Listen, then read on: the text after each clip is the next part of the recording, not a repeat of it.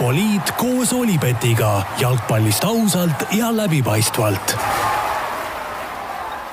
no nii, tervitused taas kord Futboliidi kuulajatele ja kõigile jalgpallisõpradele. jalgpalli EM-il on kõik alagrupi mängud nüüdseks peetud, aeg on asuda kaheksandikfinaalide kallale, selleks, et teieni tuua kõik kõige julgemad ennustused, kõige pöörasemad pakkumised ja kõige asjalikum analüüs. oleme stuudios täna mina, Raul Õessaar ja moodsa tehnika toel ka Joel Lindermitte, tere Joel! Tervist!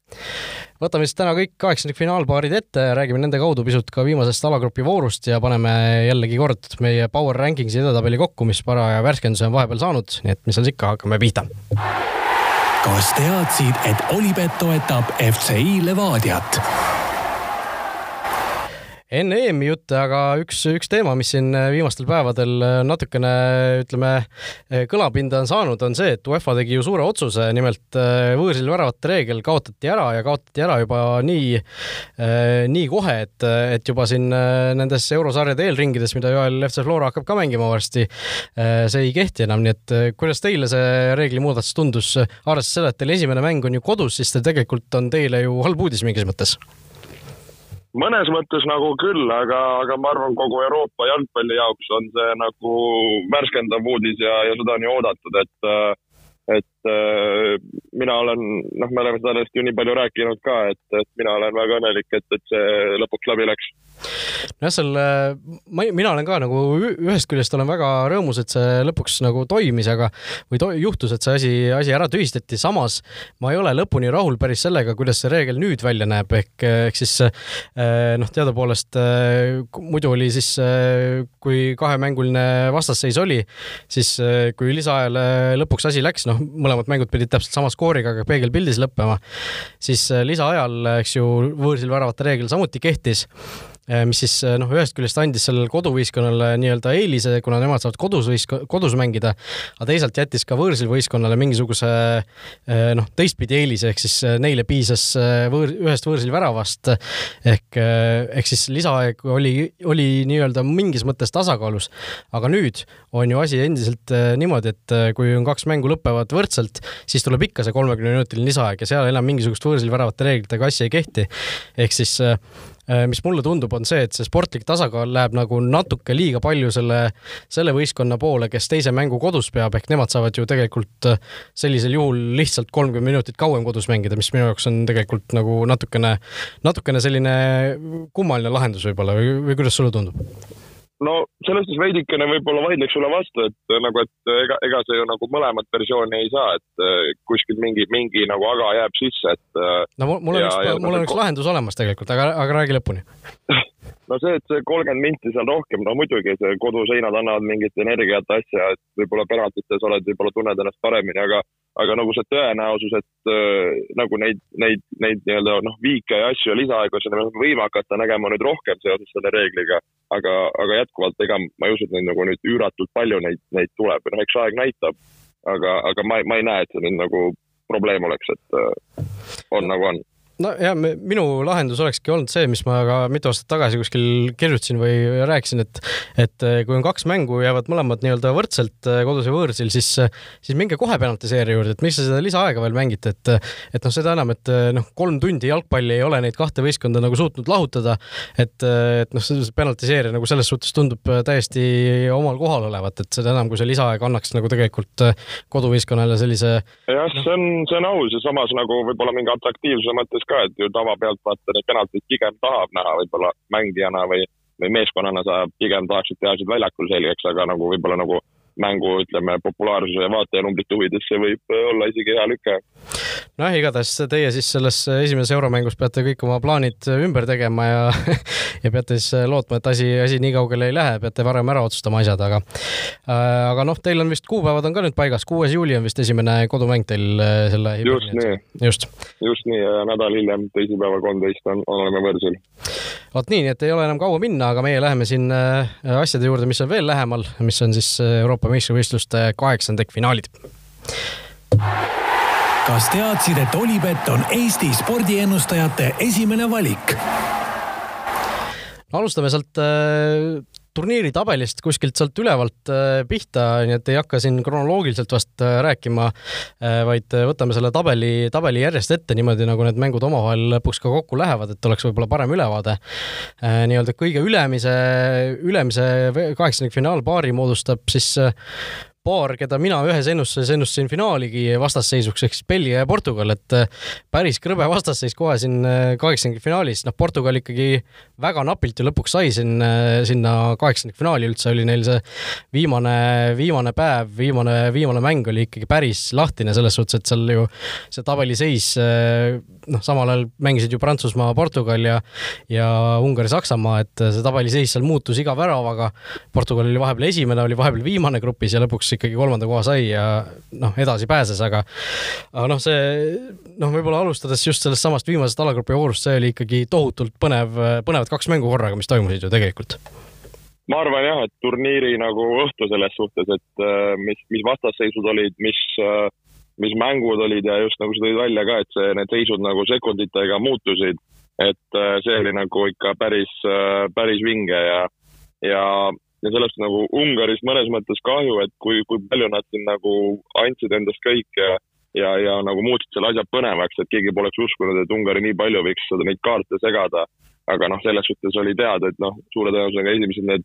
kolm suurt lähevad edasi, lihtsalt oli küsimus, mis järjekorras ja noh, lõpuks see järjekord mängiti nii kätte, et, et Portugal jäi sinna ja, ja tänu sellele siis ootabki vastasseis neid ees äh, Belgiaga. No Belgia see alagrupp oli selles suhtes ikkagi natukene, natukene hõlpsam, aga aga mida see, ütleme, see viigimäng Prantsusmaaga meile Portugali kohta ütles peale selle, et et Cristiano Ronaldo lõi oma saja kaheksanda ja saja üheksanda koondise värava ja tõusis sellega siis Ali Tai, kuulsa Ali Tai kõrvale, Iraani ründaja kõrvale, et äh, meeste koondiste eest läbi aegade ei ole mitte keegi suutnud rohkem väravaid lüüa. No päris hullumeelne mees, et siin äh, tuleb ainult aplodeerida ja ja et, et, ta paneb neid palle ikka jätkuvalt sisse, et see on, see on fenomenaalne, et äh, noh, ma arvan, siin ei, ei olegi vaja väga rohkem, rohkem öeldagi aga ütleme, Portugali koondise puhul, kas,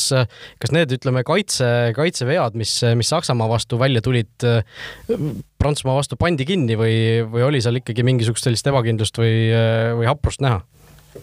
no natukene minu jaoks nad jälle nagu tõstsid enda aktsiaid ja enda mängu, noh, ka Prantsusmaa võib-olla ei olnud nii ründav ja, ja oli ka niisugune ettevaatlik näha oli, et kogu, ma ütleks, kogu Prantsusmaa alagrupi turniir oli ikka nagu väga-väga ettevaatlik ja kontrollitud, et eriti see ju teine poolega oli näha, et mõlemad läksid tal seda viiki pigem nagu hoidma ja kontrollima, mis, mis on nagu igati arusaadav. et äh, ma nagu, noh, Portugal on, on võimeline nagu, ma arvan, igat mängu võitma, aga aga kas nad nüüd nagu Belgiat sinna murdma lähevad, see šanss on olemas, aga, aga, aga minu jaoks Portugal ei ole olnud nagu nii veenev, et võiks nagu rääkida, et see tõenäosus on nagu ütleme, suur mm.. no Belgia puhul äh, muidugi see viimane alagrupi mäng neil Soome vastu oli oli ka noh, selline, selline mäng tundus, et Belgia lihtsalt tahtis selle nagu, tahtis sellest lahti saada, sellest mängust, et kuidagi mängiti niimoodi ära, löödi oma väravad ära seal Soomel, noh, tekkisid ka tegelikult võib-olla vist rohkem võimalusi kui eelmise kahe mängu peale kokku, aga ära nad ei löönud ja ja Belgia ikkagi lõpuks oma võttis, aga seal ka, ega me Belgia kohta midagi nagu olulist tegelikult sellest viimasest mängust ju teada ei saanud, eks ju seda küll ja, ja natukene ka arusaadavalt, et neil oli edasipääs kindel, hoiti veidikene energiat, mõned uued mängijad, et, et see oli niisugune klassikaline suure võistkonna viimane alagrupi mäng, kus, kui, kui, kui asjad on tehtud, et et midagi suurt me teada ei saanud, minu jaoks ongi nüüd nagu Belgia suhtes kohe nagu noh, Belgial, kui me siin natukene ka edasi lüppame, et noh, ikka väga-väga tumised mängud ees ootamas, et kui nad tahavad lõpuks karika pea kohale tõsta siin, siis tuleb juba siin selles mängus ja järgmises mängus teha väga kõvad avaldused ja nii edasi. Ja, ja. No so Soome koondise kohta ka võib-olla kaks sõna. mina noh, väga paljud eestlased, ma saan aru, olid Soome poolt, minul nagu sellist tunnet väga ei tekkinud kordagi, et ma oleks hullult soo-, Soomele pöialt hoidnud, et seal viimase alagrupi voorus ma just tabasin end mõttelt, et noh, parem oleks, kui Soome nagu kiiresti need väravad tuppa saaks, et et Taani edasi pääseks, et ma olin hoopis rohkem olin nagu kuidagi Taani poolt, et minul nagu Soomest lõpuks kahju ei olnud ka selles võtmes, et ega nad ikka mänguliselt jäid ju selgelt ikkagi sellele EM-i ja, ja ma olen nõus ma olen nõus, mul oli sama tunne, et nagu ise tabasin ka mõtet, et noh, Taani pani nii hullu ja, ja oli hea neid vaadata. Ja, ja tõesti kuidagi elasid neile kaasa, et, et, et ma arvan, see tõidki hästi välja, et see mänguline pool ei olnud see, mis nagu oleks nagu neid kaasa haaranud või, või nagu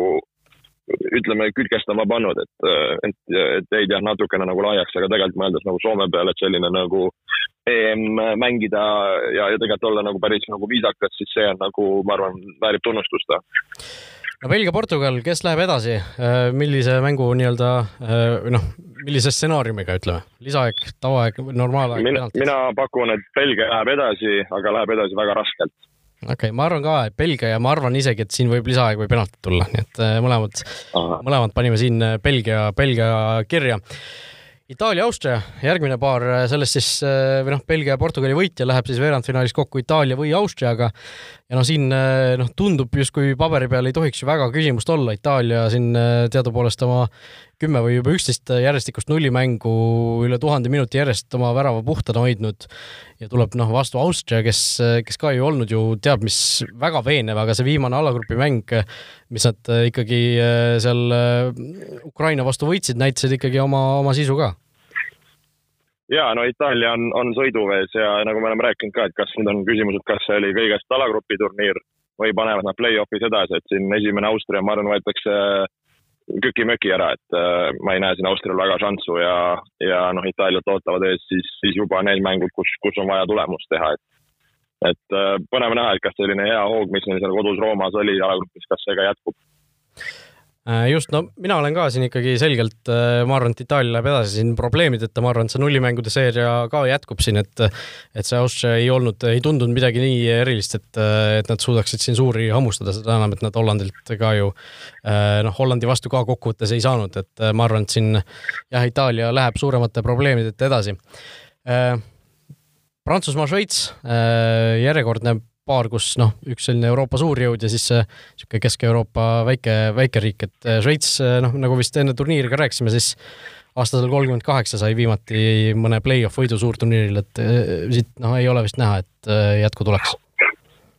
no Prantsusmaa vastu pigem mitte, et äh, jälle nagu Šveits nagu punnis ja punnis seal A-grupis, aga, aga jääb midagi puudu noh, ainuke asi on, et kui, kuidas läheb Prantsusmaa sinna, et kas nad nüüd lähevad ka natuke niisugust nagu ettevaatlikult mängu mängima, minnakse enesekindlalt, et seal noh, Prantsusmaa küll nagu on, on Prantsusmaa, aga, aga ma tahaks, et nad oleksid nagu veenvamad või, või jõulisemad, et äh, minu jaoks on nagu nende jaoks niisugune veidikene nagu statement'i koht, et äh, mis, mis, mis mängu nad mängima lähevad ja mis, mis hoiakuga.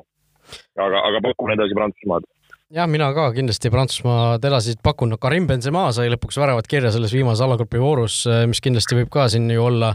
eh, olla ikkagi suur eh, selline mitte pauk, aga siis vastupidi, selline moraalne boost tema enesekindlusele, et kas sa nägid seda pöörast kokkusattumist, mis tema väravate puhul oli, et esimese värava ta lõi nelikümmend viis pluss üks, nelikümmend neli ehk siis noh, nelikümmend kuus, nelikümmend neli oli mängitud ja teise värava ta lõi teise poole alguses täpselt sama sekundi peale, peale ehk siis nelikümmend kuus, nelikümmend neli, et see ikka sellised asjad nagu noh, vahel juhtuvad, mis, mis paneb nagu peast kinni hoidma, et, et, et tõesti sellised asjad on nagu võimalikud. See on päris naljakas jah, et äh, ma olen varemgi selle peale mõelnud, et, et see on naljakas, et kui nagu need väravad lüüakse, märgitakse niimoodi, aga aga tegelikult ju ajaliselt ei ole, et äh, tõesti päris, päris naljakas ju see, et meil nagu sama vend ka, et seda enam jah, ja seal oli ju äh, mõni aeg tagasi oli üks Liverpooli ja Manchester Unitedi mäng, kus Roberto Firmino vist oli niimoodi, et ta lõi vist esimese värava oli nelikümmend viis pluss neli ja teise lõi vist äkki neljakümne kuuendal teise poole alguses, eks, või neljakümne seitsmendal, eks. ehk siis äh, teoreetiliselt ta lõi nagu oma teise värava lõi enne esimest ajaliselt või kuidagi niimoodi oli,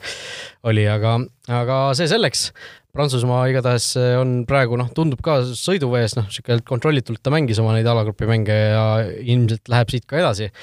aga noh, Horvaatia, Hispaania, siin, eh, siin ikkagi on nüüd küsimused õhus ja küsimused eelkõige, eelkõige Hispaania puhul, aga, aga tegelikult ka Horvaatia puhul, võib-olla hispaanlastest alustades, no see viis-null võit Slovakkia üle viimases voorus, Slovakkia oli seal ikka päris kehv ja ja noh, kas, kas see on, oli nüüd päris Hispaania, mida me nägime või see oli lihtsalt, lihtsalt see Hispaania, mida Slovakkia, kes ikkagi ootamatult kuidagi äh, lödilt seal mängis, äh, lihtsalt äh, lasi hispaanlastel mängida? no seal eelkõige oli väga kehv Slovakkia ja, ja osa, osa natuke sinna otsa, et Hispaania sai, sai see veits selle punni maha, mis, mis nende jaoks oli nagu hädavajalik. et Hispaania jaoks, ma arvan, nagu emotsionaalses mõttes oli see nagu väga hea mäng, et, et mis vahet sellel on Slovakkiaga, sa paned viis tükki, sa saad enesekindlust, need pallid, mis sul varem sisse läinud, läksid võib-olla sisse. noh, pluss seal aitas ka, eks ju, Dubravka kaasa, et nagu nii koomilist omaväravat, no ei, vist polegi, ma arvan, elus oma silmaga näinud, et äh, aga, aga nagu see võit nagu ei, ma arvan, nagu Hispaania kontekstis ei, me ei tohi seda nagu üle tähtsustada, et, et nagu sa ütlesid, need küsimärgid on üleval ja, ja kui mõelda, et Horvaatia vastasena, siis äh, noh, Horvaatial on ka neid küsimärke palju, aga Horvaatia play-off'is ma arvan, et hispaanlased peavad nagu, peavad kartma no Horvaatia kindlasti on üle vaadanud need mängud äh, Hispaania-Rootsi, Hispaania-Poola, kus ikkagi nii Rootsi kui Poola suutis ju päris hästi selle kaitse lukku keerata ja noh, samas Horvaatia ise ei, äh, igas alagrupi mängus lasi endale värava lüüa, mis, äh, mis justkui viitaks sellele, et ega neil kaitses kõik väga hästi ei ole, Lovren on ju mängukeelu all ka veel kollaste kaartide tõttu, ehk siis seal noh, ikkagi Hispaania poole ma nagu natukene kaldun, aga samas ma ei imestaks ka, kui see mäng jääb, ma ei tea, normaal jääb, noormaalaeg jääb null-null või üks-üks, läheb seal lisaajale ja noh, siis võib juba kõike juhtuda, et ma isegi võib-olla kokkuvõttes isegi ennustaks Horvaatiat siit edasi, teeks sellise väikse julge ennustuse, aga samas noh, see Hispaania puhul ma ütlen, see, see viis-null, kas see, kas see nii-öelda oli see, et nad said nüüd selle punni sealt eest ära ja tuleb see šampus sealt pudelist välja kõik või, või oli see lihtsalt selline ühekordne, ühekordne saavutus, et nõrga Slovakkia vastu, et see minu jaoks on üks isegi selle kaheksandikfinaalide selliseid suuremaid küsimusi, et mis, mis Hispaaniat me näeme jah, ja täiesti nõus sinuga, et äh, ka nagu sihuke tunne, et nagu õrnalt tahaks pakkuda sihukest üllatus Horvaatia edasipääsu, aga samas sihuke nagu Hispaania peale tahaks ka panna. et ma siis nagu vastandun ja ütlen, et Hispaania läheb edasi. okei okay,, okei okay. äh,. no selge, nii et üks, üks tabeli pool äh, on meil nüüd, nüüd räägitud, läheme kohe teise juurde.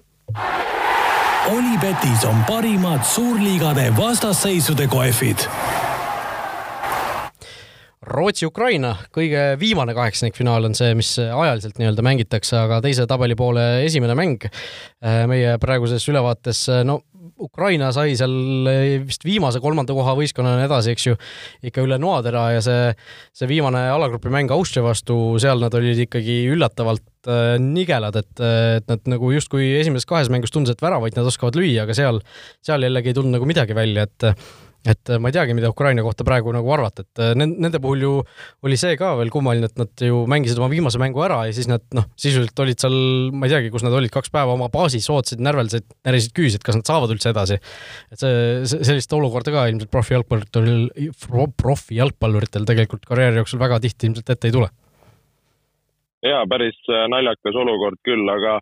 aga sa ütlesid ka, et see viimane mäng oldi nagu väga kehvad minu jaoks, et tegelikult neil oli ju vaja väravaid, neil oli vaja tulemust, et ja nad nagu kas ei suutnud või ei osanud või, või ei lastud. et, et Ukraina on olnud minu jaoks nagu päris suur pettumus, et ootasin nagu palju-palju rohkemat. ja, ja noh, Rootsi poolt vaadatuna, kes, kes mängis niisuguse väga nagu soliidse alagrupi turniiri nagu loosiga, ma arvan, neil läks hästi ja, ja nagu edasipääsu kontekstis ka Rootsi, Rootsil nagu kõik šansud olemas, et äh, mina näen siit äh, Rootsilt nagu edasi minemas no mina ka, ma arvan, et Rootsi võidab selle mängu sihuke üks-null, kaks-null, et et see, kui jah, kui kontrollitult, kui targalt, kui efektiivselt nad mängisid neid alagrupi mänge,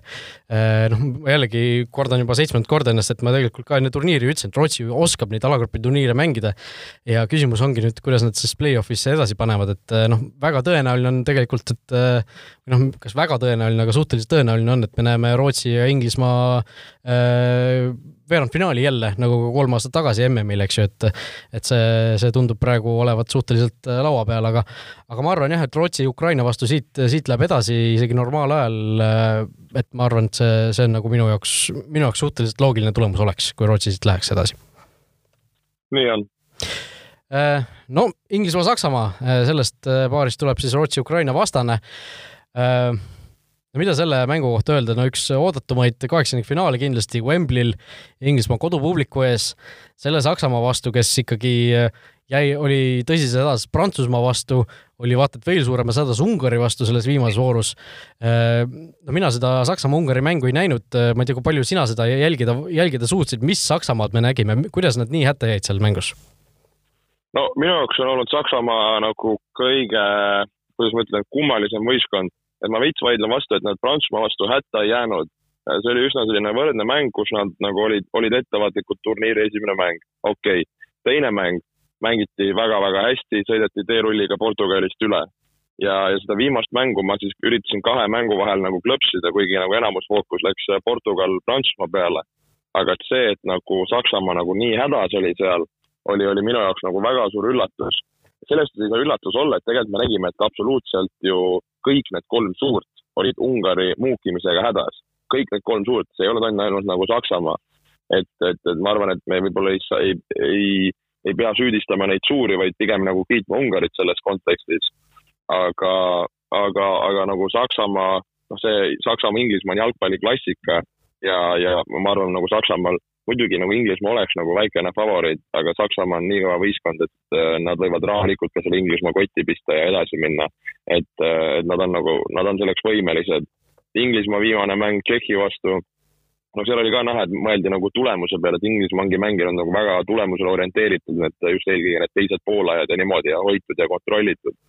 et, äh, et ma arvan, me näeme üsna sellist kinnist ja ettevaatlikku mängu, et ma ei usu, et siin kumbki pool nagu väga avama tuleb või väga lendama tuleb ja ongi, et kes need seal oma šansud nagu üles leiab ja ära lahendab, et, äh, et noh, väga vinge mäng, väga vinge mäng no see on kohtumine, kus, kus ükski tulemus ei oleks tegelikult üllatav, et et me nägime siin, kuidas Inglismaa eelmisel MM-il võitis penaltiseeria. noh, mõtle, kui magus see veel oleks inglaste jaoks, kui nad siin penaltitega paneks Saksamaale näiteks ära.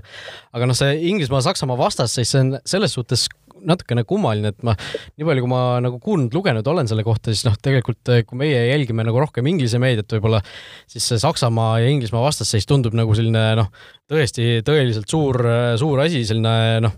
absoluutne tippsündmus, inglaste kõige suurem rivaal, nii edasi. aga kusjuures sakslaste jaoks Eh, see, see kohtumine Inglismaaga on nagu noh, selline suhteliselt rea mäng, et eh, see ei ole nagu nende jaoks selline mingisugune igipõline rivaal, et nende jaoks pigem on, pigem on see igipõline rivaal olnud Holland, on võib-olla Prantsusmaa, on võib-olla Itaalia, aga Inglismaa on selline noh, on ka selline võistkond, et äh, tegelikult kui hakatakse rääkima sellest suurest rivaliteedist või mingisugusest äh, nagu üli, ülisuurest omavahelisest duellist, siis, siis tegelikult see on ainult nagu inglaste mingisugune noh, mitte väljamõeldis, aga see, see on nagu Inglise perspektiiv sellele, et sakslased ise nagu seda mängu nii, nii oluliseks või seda vastasseisu nii oluliseks ei pea, et mis on, mis on võib-olla natukene huvitav, et võib-olla see, see, seetõttu ka inglased on natukene rohkem võib-olla üles köetud selle mängu eel, kodupublik, Wembley, et äh, noh Inglismaa on kerge soosik siin või vaidled vastu? no pigem on, aga nagu sa ütlesid, et iga tulemus võib olla, et äh, kui me peame pakkuma edasipääseja, siis ma nagu, ma pakun Inglismaa, aga see ei ole üldse, üldse nagu väga nagu kindlalt või veendunud no ma arvan ka, et Inglismaa, no nalja tehes selle penaltiseerijate ja asjade kohta, et kui Inglismaa võidab, siis ta peab seda tegema normaalajal, eks ju. aga noh,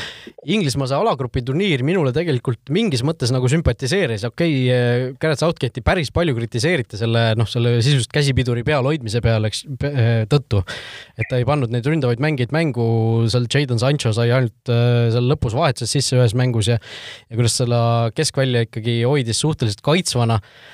no Rice ja Phillips, kas alustavad jälle mõlemad, äh, noh, Saksamaa on kõige tugevam vastane, kellega Inglismaa seni mänginud on siin turniiril. Äh, mis, mis sa arvad, mis äärekaitsjad, mis, mis see keskväli on, mis ingla-, millega inglased peale lähevad siin mängus? no ma arvan, Henderson jääb, jääb pingile, ma arvan, et McGuire surutakse sisse äärekaitsjate koha pealt, ma ausalt ei oska öelda, et siin on need Covidid, asjad ja ta on siin igasuguseid asju leiutanud et, äh, et ma arvan, keskväli jääb samaks, McGuire taga, ma arvan, ääred, me näeme Sterling Fodenit, ma arvan, ta läheb pigem, pigem kindla peale, kui, kui hakkab seal midagi leiutama, aga, aga, aga, aga samas ei, ei julge öelda ka nagu nüüd pealt panti panna Grealish eh, noh, peaks vist mängima, kui Mount on, eh, eks ju, oma selle koroonaga või noh, koroona isolatsiooni tõttu audis, noh, Mount ja Chilwell mõlemad saavad vist päev enne mängu küll vabaks, aga aga siin Southgate andis mõista, et eh, seda on nagu liiga vähe, et nad selles mängus mängida saaksid, et jaa, igatahes. ilmselt, ilmselt Grealish sisse, eks ju? ma usuks küll, usuks küll, et äh, ega seal niisuguseid kümne peale nagu häid lahendusi ei ole ja no äärekaitses noh, Trippier ja Walker äkki, äkki seesama lahendus, mis me esimeses mängus nägime, et eh, noh, Trippier on äh, kaitses on äh,, noh, ta väga Southgate'ile meeldib ja noh, natuke võib-olla üllatav oli, et isegi, ta ülejäänud mängudes nagu nii vähe mängida sai, aga aga no ma, ma arvan millegipärast, et Trippier mängib selles mängus vähemalt äh, kindlasti algkoosseisus alustab ja ja noh, Trippier Walker tundub nagu selline kõige, kõige loogilisem paar mingis mõttes, kui, kui Southgate on juba, on juba niimoodi mänginud. no kes siis edasi läheb? Inglismaa. Inglismaa, okei okay.. Äh, mina ütlen, et läheb Saksamaa, teeme siis niimoodi seekord. kuigi ma ei, ma olen kindlasti Inglismaa poolt, nagu siin ilmselt kõik saatekuulajad juba, juba teavad äh,. Holland-Tšehhi äh, Tšehhi samas Inglismaa alagrupis mängis viimase mängu inglaste vastu, noh, suhteliselt selline tuim mäng oli see, lõpuks sai, lõpuks sai küll kaotuse, aga Holland kõik alagrupi mängud võitis, aga samas eh, noh, vastased olid Austria, Ukraina, Põhja-Makedoonia, kõigil omad vead, noh, Hollandit ka ei ole veel korralikult nagu testitud justkui. ja enne turniiri me rääkisime siin Frank de Boerist kui sellisest suurest potentsiaalsest läbikukkujast, kas me, kas me mingisuguseid vastuseid oleme nüüd de Boeri ja pra, selle mitte Prantsusmaa, vaid Hollandi kohta saanud selle kolme esimese mänguga? no nagu sa ütlesid, et võib-olla vastasseisud ei olnud nii, mis neid paneks nagu testile, et et selles suhtes nagu tulemust nad tegid, selle kohta ei saa ju midagi öelda ega, ega viriseda. Ma arvan, et, et, et, et Tšehhi mäng on, on nagu hea koht, kuidas seda play-off'is tehakse, ma usun, et Holland selle mängu kontekstis on, on, on favoriit. aga, aga nagu sisetunne ütleks, et, et Holland võibki siin võib-olla üks-kaks mängu veel hästi teha ja tulemust teha, aga, aga mingi hetk tuleb neil nagu lagi või piir ette, et, et kuhugi kaugemale jõuda. no minul on selle mängu eel on selline üllatuse tunne on sees, ütleme, et ma isegi arvan, et siin võib juhtuda niimoodi, et äh, Tšehhi läheb edasi. Äh, noh, samas need Hollandi mängud, need Hollandi sellised äh, kindlad võidud on nagu ikkagi minus ka mingisuguse usu tekitanud sellesse Hollandisse, et päris nagu peksukotid nad ei ole, aga ma, ma arvan, et siin on, üllatus on õhus aga, aga samas ma ei imestaks ka, kui Holland võidaks siin, ma ei tea, kolm-üks või kolm-null, midagi sellist, et et ma noh, kui ma peaksin panustama, siis ma panustaks siin selle peale võib-olla, et Tšehhi üllatab, üllatab, ütleme nii ei, see on, see on reaalne, aga mina, minu pakkumine on, et Holland edasi. okei okay,, mina ütlen Tšehhi, siis äh, teeme niimoodi ja viimane, äh, viimane siis äh, paar või noh, kes tegelikult on kohe esimesel päeval ehk siis juba homme õhtul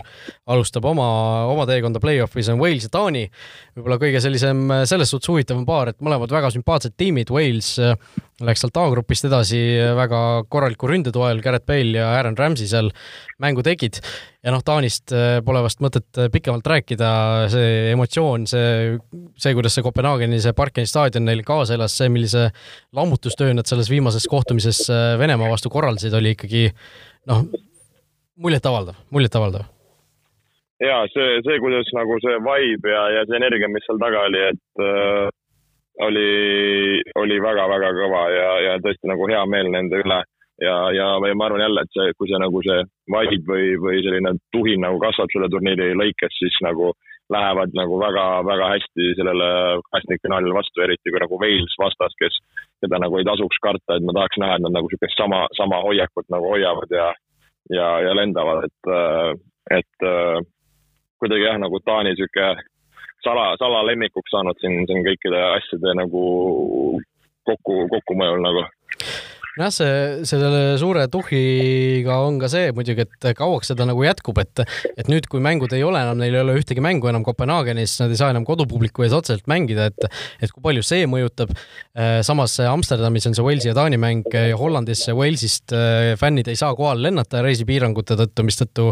noh, kui seal on mingisugune melu, siis see on pigem Taani melu, mis seal, mis seal staadionil toimub, aga kindlasti mitte nii suur või nii vägev, kui oli Kopenhaagenis noh, idee poolest Taanil see teekond äh, vähemalt poolfinaali tundub olevat päris selline noh, nii soodne kui võib-olla, jah, ütleme nii soodne, kui, kui olla saab sellises faasis, et et paned Walesi magama ja siis paned võib-olla Hollandi või Tšehhi veel ja ongi nagu neljasajas, et et äh, mulle tundub, et ja. Taanil on siin päris head võimalused äh, ja ma arvan, et sellest paarist Walesi vastu ikkagi nad edasi lähevad, ma arvan veel. ma olen ka nõus, ma olen nõus, et Taani läheb edasi Walesi vastu ja tõesti see, see teekond sinna poolfinaali, noh, millest ka turniiri eel, et kui asjad kõik lähevad niimoodi, siis, siis see võib juhtuda. et, et praegu nagu on küll, küll neil lood hästi, nüüd tuleb ise lihtsalt mees olla ja, ja ära teha nojah, asjadesse ette rutates ma ei, ma ei tea, kelle poolt ma oleks, kui Inglismaa ja Taani poolfinaalis mängiksid, et sa mõtle, kui äge oleks see, kui ütleme, Taani tulekski Euroopa meistriks, finaal, finaal võidetakse ära, hakkab see autasustamine ja siis tuleb kuskilt sealt äh, tribüüni alt tuleb Kristjan Erikson välja, tõstab, tõstab ise karika näiteks, noh, see oleks noh, täiesti, täiesti käsiteldamatu moment. aga noh, muidugi, väga, väga äge ja mine tea, kas ta, kas ta üldse jah, kuskile tribüüni peale lastakse tal minna, et võib-olla ei, ei tasu lennata isegi sellises olukorras. ma ei, ma ei tea, mis ta, mis see seis on nagu sellises, sellisel puhul, et tal see südamestimulaator ju pandi sisse, idee poolest võiks ju asjad nagu korras olla, aga võib-olla natuke pigem, pigem küll, ma arvan, et niisugune tava, tavaolek, lihtsalt sportimine ja, ja see on praegu, ma arvan, natukeseks ajaks pausi peal äh, vot nii, igatahes meie kaheksandikfinaalid on äh, läbi räägitud, läheme siis edasi meie Power Rankingsi juurde. Olipetis on parimad suurliigade vastasseisude kohvid nii, äh, esikümne panime taas kokku, kuusteist võistkonda on veel elus, kõik, kõiki kuuteteist me järjekorda ei pannud, viimased kuus jäid meil, jäid meil välja ja viimased kuus siis äh, nii nimetame ka ära, viimased kuus suvalises järjekorras on siis meil Austria, Šveits, Horvaatia, äh, Ukraina, siis veel Tšehhi ja, ja Wales, et nemad, nemad meil top kümnesse ei mahtunud, keegi vist veel välja või ei jäänud? ei vist mitte. nii et äh, läheme kümnendast kohast, äh, alustame nagu ikka, hakkame pihta, Rootsi koondis on meil kümnendal kohal. Äh, noh, tegelikult rootslased, noh, sellest me pole isegi rääkinud, et see üks tabeli pool, eks ju, on on nagu viimastel suurturniiridel kuidagi kombeks on saanud, on ikkagi selgelt tugevam kui teine. Rootsi sattus sinna nõrgemasse tabelipoolde, et tuletan meelde, kaks tuhat kuusteist EM-il oli ka ju ikkagi üks tabelipool selgelt tugevam, teiselt poolt tuli see Portugal sinna vastu, kes, kes noh, ei pidanud seal väga-väga suuri võite saama selleks, et finaali jõuda Äh, kaks tuhat kaheksateist MM-il mäletame, oli see Inglismaa ja Horvaatia tabeli pool, kust lõpuks, lõpuks Horvaatia välja tuli, sai finaali. Ja nüüd äh, sel, sel turniiril ka see üks tabeli pool, kus noh, see Inglismaa ja Saksamaa mäng ilmselt on äh, mingis mõttes justkui võiks olla selline varjatud finaal võib-olla isegi sellel tabeli poolel, aga no eks, eks seal on teisi võistkondi ka, kellest me just rääkisime, kes võivad seal ilma teha, aga aga ikkagi kuidagi jällegi on niimoodi sattunud ja Rootsi on jälle seal nõrgemas tabeli pooles ja noh, kümnendale kohale ma paigutaks nad täiesti julgelt, sellepärast et äh, see noh, nagu ma ütlesin ka, selline kontrollitud, mõtestatud tark mäng, mida nad mänginud on, sellega võib tegelikult äh, suurturniiril päris kaugele jõuda küll. Ja võib ja nagu sa tõid välja, et see tabeli pool, aga, aga noh, lihtsalt, et kas see, kas see ka siin kuhugi nagu täitsa lõppu välja kaob, tassib, et see, see võib-olla on natuke palju, palju tahta just nii, üheksas koht, Portugal, valitsev meister, Euroopa meister, aga noh, Portugali jaoks ikkagi eeldab see, et seekord äh, võitjana EM-ilt väljuda ikkagi see, et nad kõigepealt panevad äh, kaheksakümnendfinaalis Belgia äh, või noh, Belgial teevad ära, siis ilmselt veerandfinaalis Itaalia, poolfinaalis ilmselt Prantsusmaa või Hispaania ja siis finaalis veel noh, kes sealt teiselt tabeli poolt vastu tuleb, et see Portugali, Portugali ja samas ka Belgia teekond on ikkagi väga-väga keeruliseks tehtud. Ja, nagu sa ütlesid, et see üks pool on nii tugev ja kui sa nagu välja tõid ka, et sa pead ikka väga-väga kõvad punnid ära võtma ja no kas Portugal selleks praegu on suuteline, jah, nad võivad olla, aga lihtsalt see teekond on nii raske, et seepärast ka nii, nii madal äh, koht nende jaoks kaheksas koht Hispaania, Hispaania koondis ka seal raskes tabeli pooles on, neil küll võib-olla see esimene vastane Horvaatia näol ei ole nii keeruline, kui on, kui on Portugalil, aga noh, see Hispaaniast me ka rääkisime, neil küsimärke on ikkagi väga palju õhus, kas nad suudavad selle rünnaku normaalselt resultatiivselt käima saada või jäädakse seda palli kõigutama seal, noh, kaks tuhat kaheksateist MM ju samamoodi tegelikult langeti väga varakult juba välja, kui ei suudetud lihtsalt väravaid lüüa selle suure palli valdamise kõrval, et et nagu, aga noh, Hispaania puhul on samas üks, üks kõige selgemaid nii-öelda identiteete sellel turniiril, nad tahavad niimoodi mängida, nad mängivad niimoodi, nad ei tee kompromisse selles osas. seda küll, aga, aga jah, et kas nad on nii kõvad, et siin, siin ongi Prantsusmaad asjad magama panna, muidugi neil see nagu mõnes mõttes mingi klass on olemas, aga, aga tundub selle turniiri kontekstis äh, vähetõenäoline minu jaoks seitsmes koht Holland, äh, Holland siis seal nõrgemas tabeli pooles nii-öelda esimene vastane Tšehhi, teine vastane kas Wales või Taani, igatahes äh, Holland vähemalt poolfinaalini peaks olema igas mängus soosik, kui nad edasi saavad. et äh, selles suhtes neil see teekond justkui nelja parema sekka on, on väga-väga kena punane vaip sinna maha rullitud, aga samas jällegi, kas see on, kas see Holland on selline, mida saab usaldada praegu, pigem minu jaoks endiselt ei ole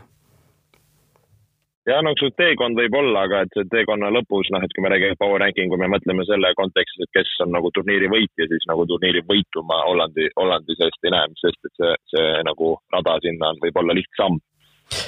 just, äh, kuues koht, äh, Taani koondis, noh, võib-olla kõige suurem äh, üllataja siin power ranking'is või kõige, kõige julgem tõusja noh, Taani ka seal nõrgemas tabelipooles, nagu me enne just rääkisime ka, esimene mäng Walesiga, teine mäng kas Hollandi või Tšehhiga. Ja see noh, see poolfinaal tundub nagu käega katsutav. Ja tegelikult Taanis noh, tundub olevat mingisugust sellist Äh, noh, sellist äh, ikkagi spunki sees, kus, kus nagu võib tulla, et see Taani dünamiit või, või kuidas seda üheksakümmend kaks nimetati seda, et see, see on nagu täiesti olemas seal võistkonnas praegu, isegi ilma Kristjan Erikssonita ja ja noh, võib-olla me võib, võib-olla noh, ütleme, teeme nendest paarist mängust liiga suuri kaugeleulatuvaid järeldusi. noh, Belgiat nad ikkagi ju hirmutasid väga selgelt seal alagrupi mängus, lõpuks ei äh, ikkagi kaotasid, aga noh, see jällegi see Venemaa üle saadud võit oli ikkagi väga emotsionaalne, väga, väga võimas ja väga kindel, et et mänguliselt nad tegelikult on võimelised, ma arvan, vähemalt poolfinaali jõudma ja kui sa, kui sa juba poolfinaalis oled, siis noh, mingis mõttes on ikkagi kõik võimalik endiselt. jaa, muidugi, muidugi, et äh, vaatame, kuhu, kuhu nende tiivad kannavad just, äh, viies koht, äh, jällegi nõrgemas tabeli pooles Saksamaa koondis. Saksamaa, noh, ilmselt äh, kui nad peaksid finaali jõudma, siis, äh, siis noh, poolfinaalini kõige raskem vastane on neil Inglismaa kohe esimeses ringis, kui nad esimesest ringist edasi pääsevad, siis nad on võib-olla isegi finaali soosikud number üks äh, kogu, kogu turniiri mõttes, noh, finaali pääsusoosikud. ehk siis noh, kuna seal teisel tabelipoolel on nii palju tugevaid võistkondi, kes võivad omavahel seal üksteist kõigutada, siis no kui Saksamaa edasi saab, siis esimesest ringist, siis noh, see finaal on neil täiesti täiesti noh, jällegi käega katsutav, et, et ma arvan, et siin Saksamaal noh, olenemata sellest, et nad on suhteliselt sellised ebastabiilsed olnud, on ikkagi olemas see kvaliteet, et äh, lõpuks see turniir ära võita ja tegelikult see teekond on ka neil suhteliselt okei okay. ja nagu sa ütlesid, see Inglismaa mäng on kõige tähtsam ja, ja siis juba, juba tundub asi nagu olevat üsna, üsna soodne neljas koht Belgia koondis, äh, kes on meil varasemalt ikkagi seal esikolmikus olnud, äh, seekord langeb neljandaks, no Belgia, vaene Belgia võitis küll grupi kindlalt, aga noh, kui sa võidad selle B-grupi äh, sel, selles või sel turniiril, siis ega see mingisugune teene sul ei ole, sest tõesti, sa saad kõigepealt Portugal, siis ilmselt Itaalia, siis ilmselt Prantsusmaa. et, et sa pead ikkagi väga kõvad vastased kõigepealt ära võitma, et, et üldse kuskile kaugele pääseda, et et no lihtsalt see tõenäosusteooria hakkab siin rääkima, et, et noh, mingil hetkel nad ilmselt komistavad või noh, seal, seal nagu tundub see suhteliselt ebatõenäoline, et nad kõik vastased suudavad järjest võita, aga samas Belgia on, on tegelikult võimeline selleks, aga lihtsalt see, ütleme, minu jaoks langetas nemad allapoole just see turniiri tabeli, noh, kuidas see lõpuks välja kukkus. jah, et neil ongi Portugal, Itaalia, Prantsusmaa suure tõenäosusega, et et nad on võimelised neid kõiki mänge võitma, aga sa ütlesidki, et tõenäosusteooria nagu hakkab natukene seal vastu mängima, et et no Belgia jaoks nagu väga-väga tähtsad nagu mängud ja, ja selles suhtes, et noh, nad, kui nad tahavadki lõpuks selle karika ja selle kuldse generatsiooni kuidagi meistriks tuua, siis, siis sa peadki olema nagu sõna otseses mõttes parim, parim võistkond ja, ja sealt tabeli poolelt tulles täpselt seda sa peadki olema, et põnev jälgida. Itaalia kolmas koht jällegi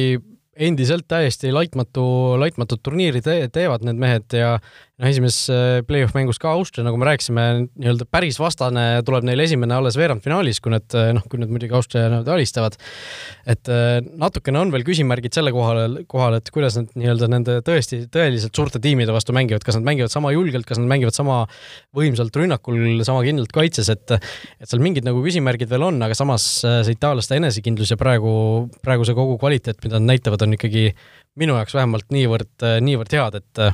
et noh, vähemalt äh, Portugalist või, või noh, vähemalt Belgiast äh, nad võiksid eespool endiselt olla, seda enam, et Belgial on esimene mäng ka natukene keerulisem. ja, ja et nende, nende jaoks on play-off on, on see nüüd näitamise koht, et et ma nagu süda, südames veidikene tahaks neid kõrgemale tõsta ja, ja, ja uskuda nendesse, et praegu tõesti nagu näidanud ikka väga head jalkad. aga, aga vaatame, kuidas see noor võistkond nagu suurtes mängudes äh, see nii-öelda, kas selg on sirge ja, ja kas see mäng on samasugune just, äh, teine koht, äh, Inglismaa koondis, äh, noh, võistkond, kelle siin, kelle üle palju naerdi enne turniiri, et ohoo, et kuidas nad seal esimene või teine soosik on, aga aga no tuleb välja, et kuigi, kuigi siin ju palju räägiti ka sellest, et see alagrupi võitmine Inglismaal ei oleks väga kasulik, et tuleb kohe sealt F, F-grupist vastane vastu, siis tegelikult ma arvan, et inglased tegid ikkagi õigesti, et nad võidu peale mängisid, sellepärast et noh, sa pead niikuinii neid suuri võitma, kui sa tahad kaugele jõuda ja sealt alumisest tabeli poolest on, on finaali jõudmine ikkagi selgelt, selgelt tõenäolisem kui ülemisest, et äh, kokkuvõttes see asi ikkagi noh, läks hästi inglastele kokkuvõttes.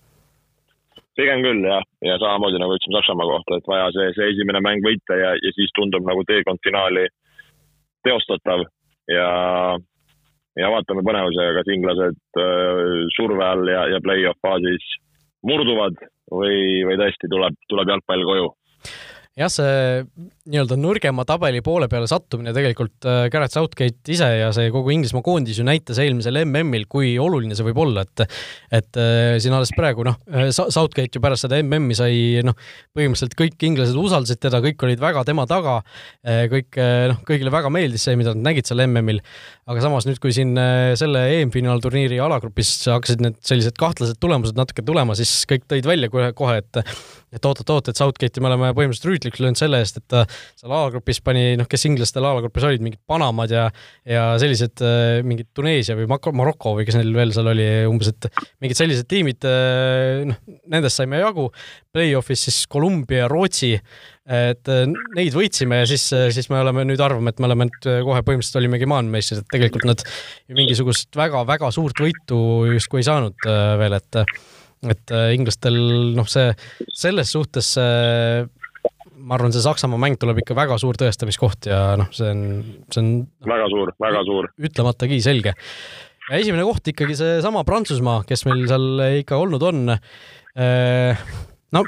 jällegi ei olnud võib-olla kõige, kõige sellisem voolavam või kõige, kõige resultatiivsem alagrupi turniiri nende jaoks, aga ikkagi edasi nad said alagrupi võitjana. Äh, võit, üks võit ja kaks viiki, viis punkti, et äh, noh, jällegi Prantsusmaa on Prantsusmaa, neil ei tundu nagu praegu olevat väga nõrki kohti. jah, ma, ma ütleks küll, et favoriidid on, on nad jätkuvalt, tabeli pool on raske mm,. nagu ma ütlesin, et nad on teinud tulemust, nad ei ole võib-olla nii hästi mänginud, aga nad on teinud tulemust ja lõpuks jalkas loeb tulemus eriti nagu suurturniiril, et, et see, see, selle osas neid tuleb kiita ja, ja see nagu nende kasuks räägib. et äh, minu jaoks on nagu pigem sellest favoriidi staatusest, mis nad turniiri eel nagu olid,